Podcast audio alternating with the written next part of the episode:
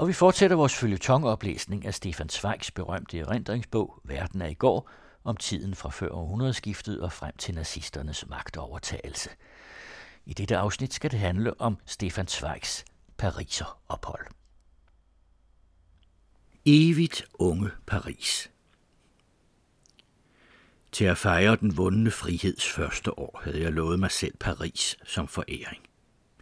Denne udtømmelige by kendte jeg kun flygtigt fra to tidligere besøg, og jeg vidste, at den, der har boet der et år som ung, fører et uforligneligt minde med sig gennem hele livet.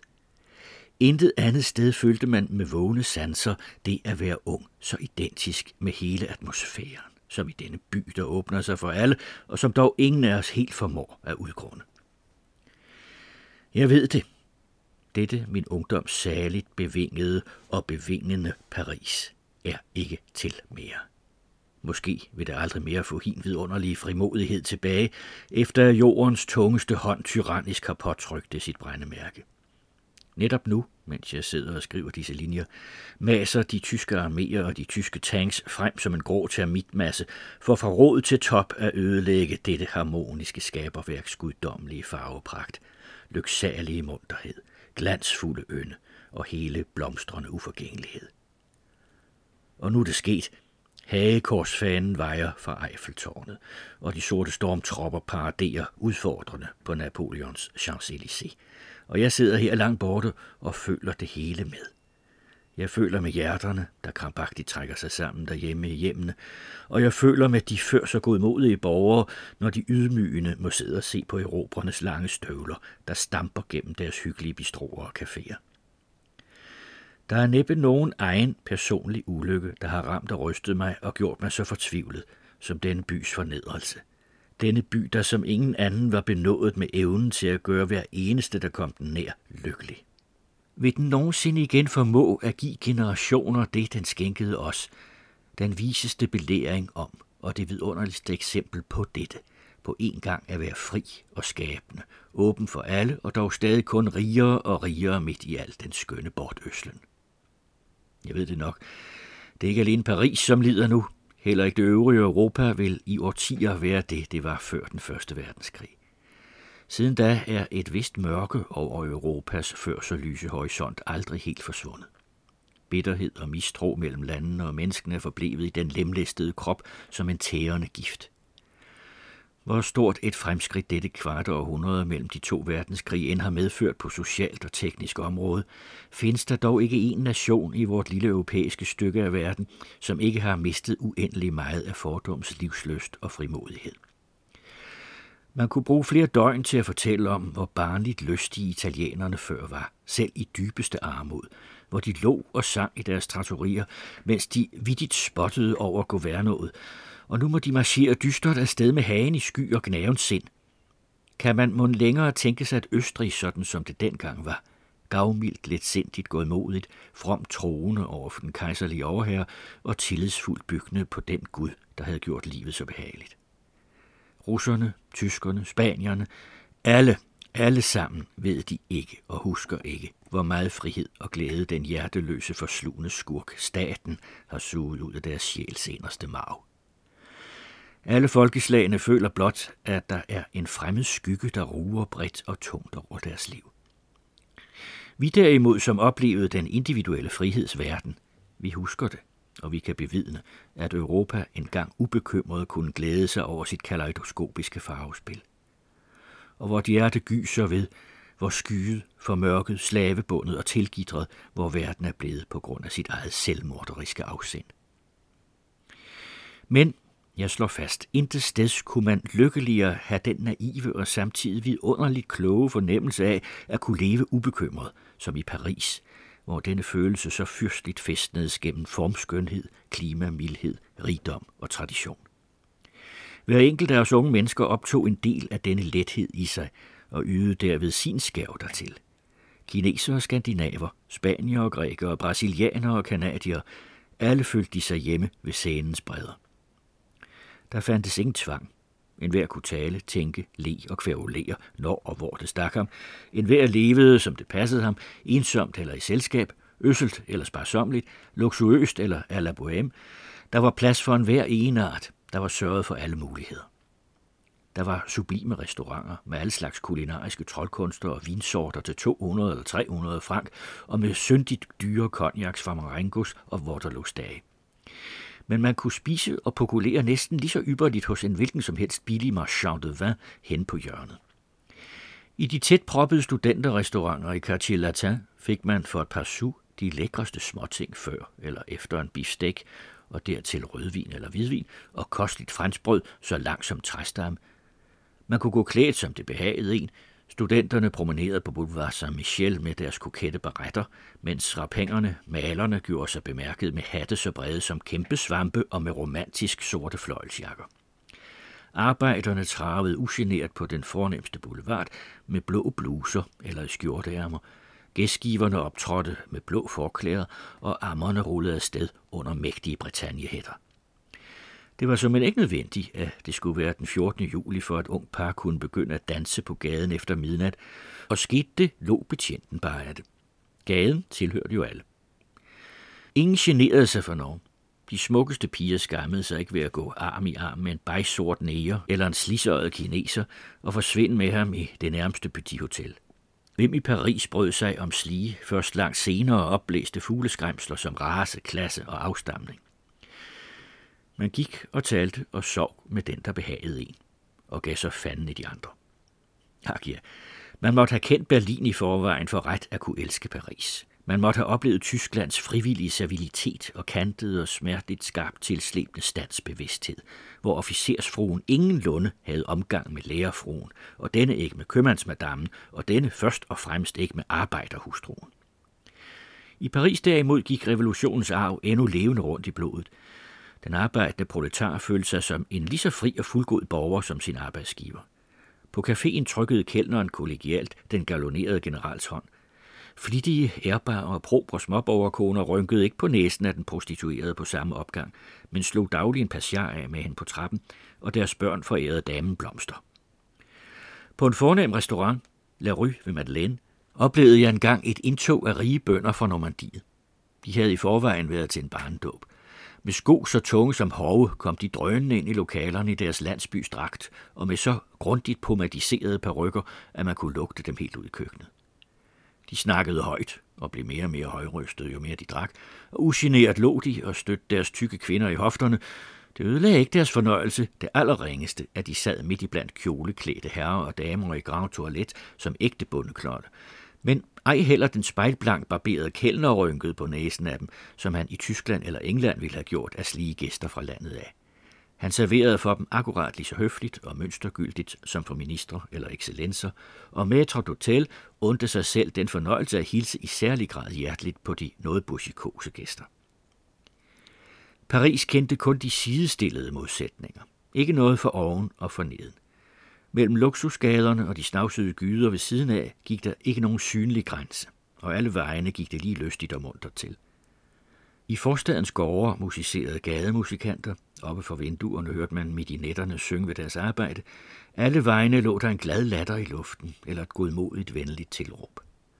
Hente det, at et par kuske her og der angulerede hinanden, så gav de hinanden pote bagefter, drak et glas vin sammen og sprættede skallerne op på et par østers til spotpris.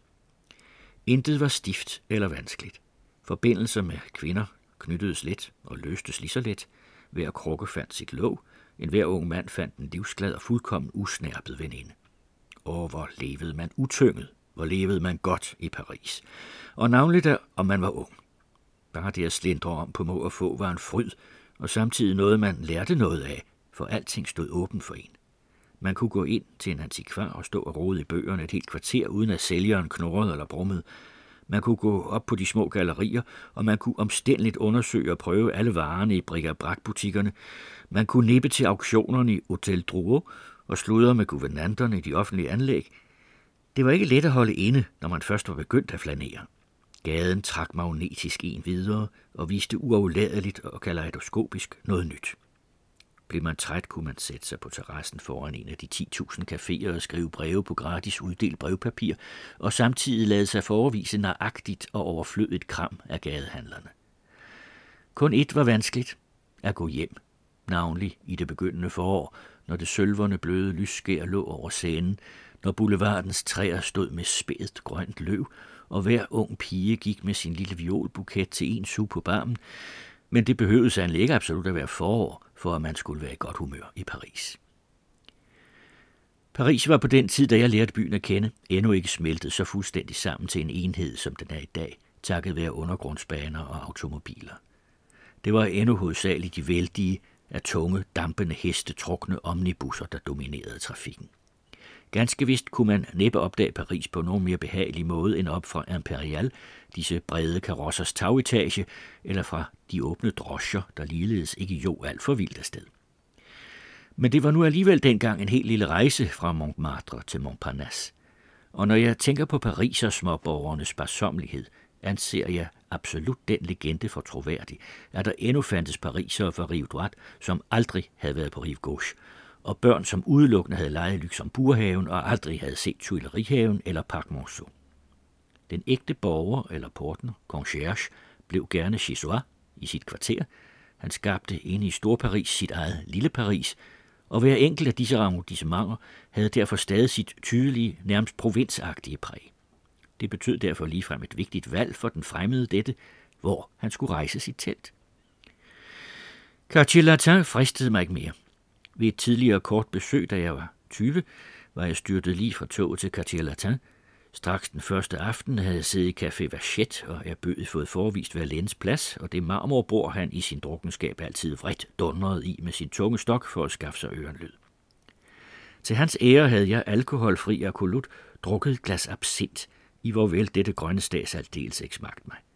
Men som ungt erbødet menneske mente jeg, jeg var forpligtet til i Cartier Latin at holde mig til Frankrigs lyriske digteres ritual.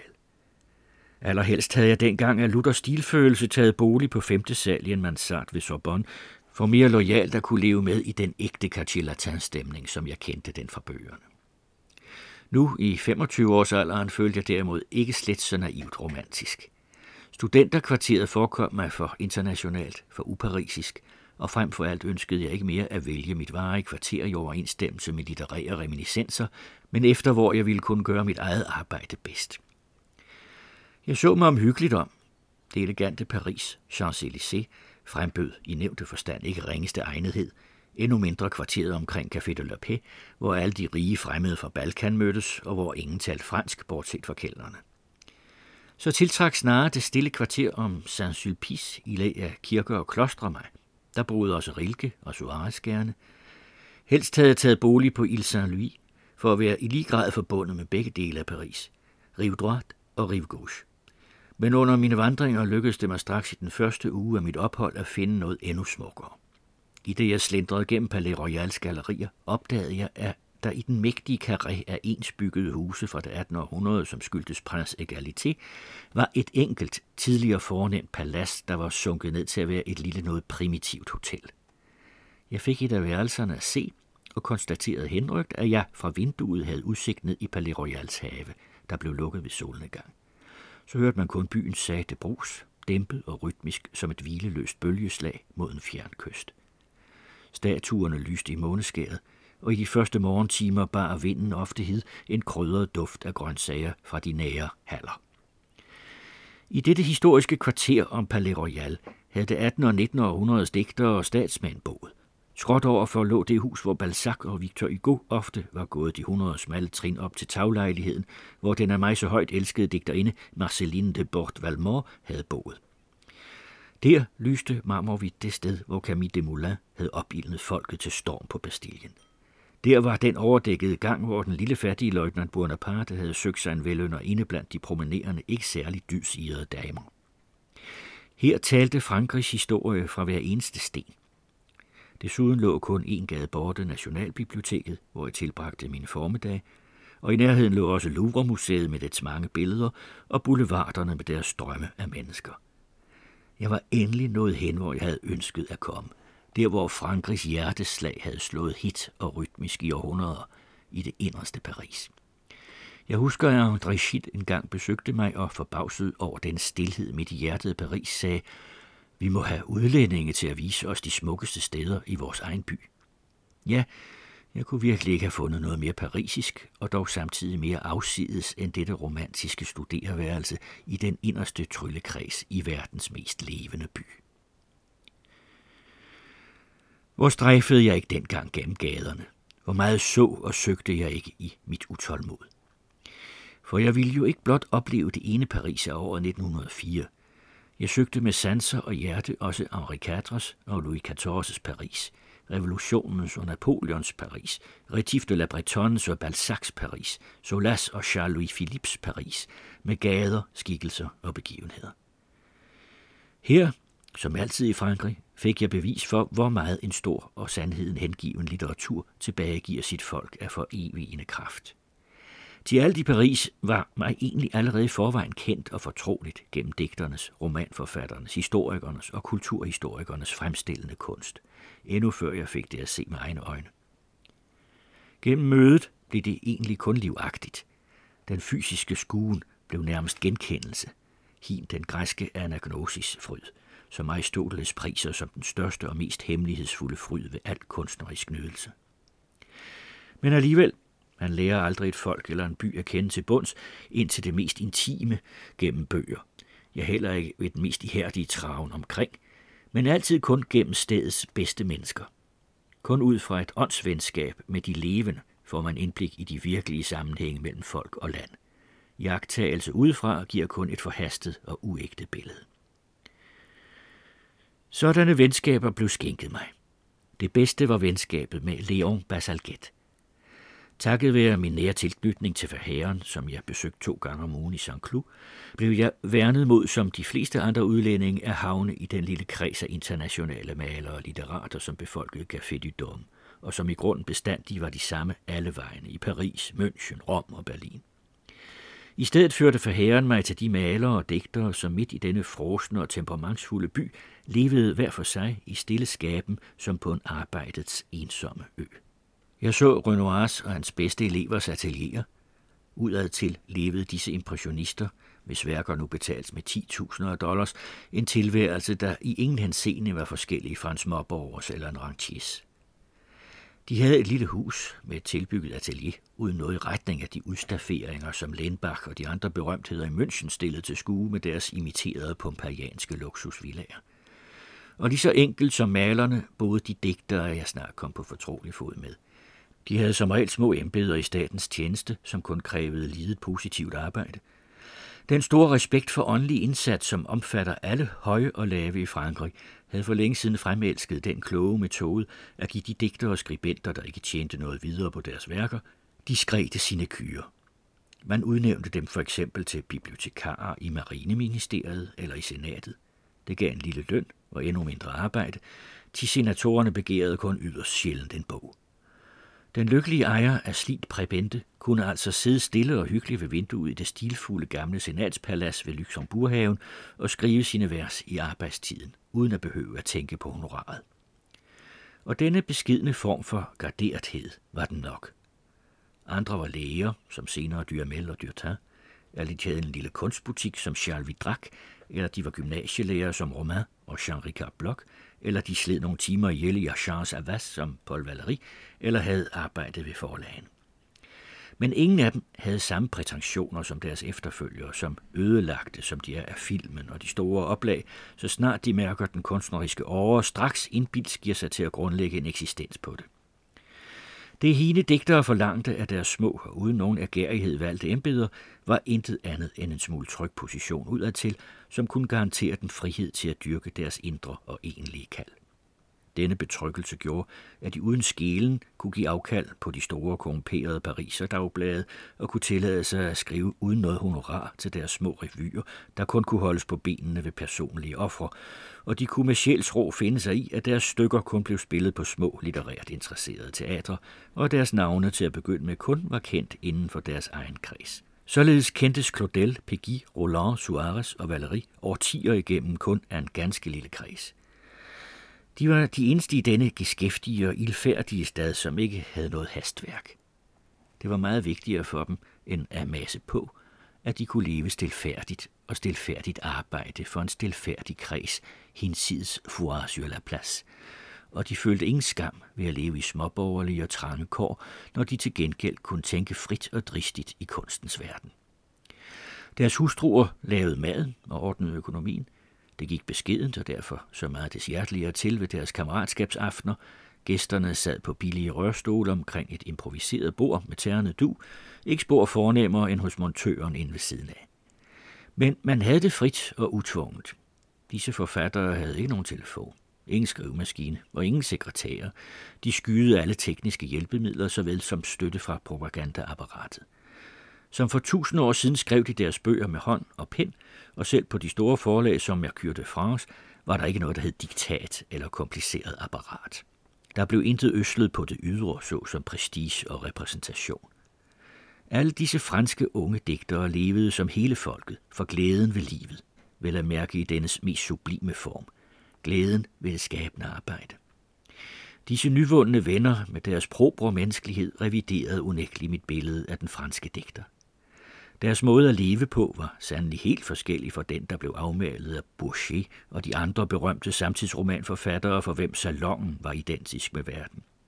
Og jeg skal love for, at deres koner og veninder fik lavet om på det forbryderisk falske billede, som vi gennem boglektyre havde dannet os hjemme af den franske kvinde som et mondænt væsen, der ene og alene var ude efter eventyr, øsselhed og gøjl og fjas. Jeg har aldrig truffet bedre og mere stilfærdige husmøder end der i broderkredsen. De var økonomiske, beskedende og i godt humør selv i de trangeste kår. De forstod at fremtrylle små underværker på det minimale komfur. De formåede på en gang at passe deres børn ordentligt og at stå deres mand trofast bi i hans åndelige interesser. Kun den, der har levet med i disse kredse som vennerkammerat, kun han kender det ægte Frankrig. Det enestående ved Leon Basalget, denne mine venners ven, hvis navn højst uretfærdigt glemmes i de fleste fremstillinger af den nyere franske litteratur, var, at han udelukkende satte sin skabende kraft ind for andres værker. Han opsparede hele sin herlige intensitet til fordel for de mennesker, han elskede. I ham, den fødte kammerat, mødte jeg i kød og blod idealet af et opoffrende menneske. Den i sandhed hengivende mand – som udelukkende ser sit livs opgave i at skaffe sin tids væsentlige værdier og indflydelse, og som ikke engang ligger under for den ellers berettigede stolthed over at blive prist for at være den, der har opdaget dem og hjulpet dem frem. Hans aktive entusiasme var intet andet end en naturlig funktion af hans moralske bevidsthed. Han havde noget vist militært ved sit udseende, endskønt han var lidenskabelig antimilitarist. I samvær havde han en ægte kammerats kordialitet – til enhver tid parat til at give gode råd og til at hjælpe. Som han var, præcis som et uafrokkelig sin ærlighed, interesserede han sig for alt, hvad der havde med hans venner at gøre, men aldrig for sin personlige fordels skyld.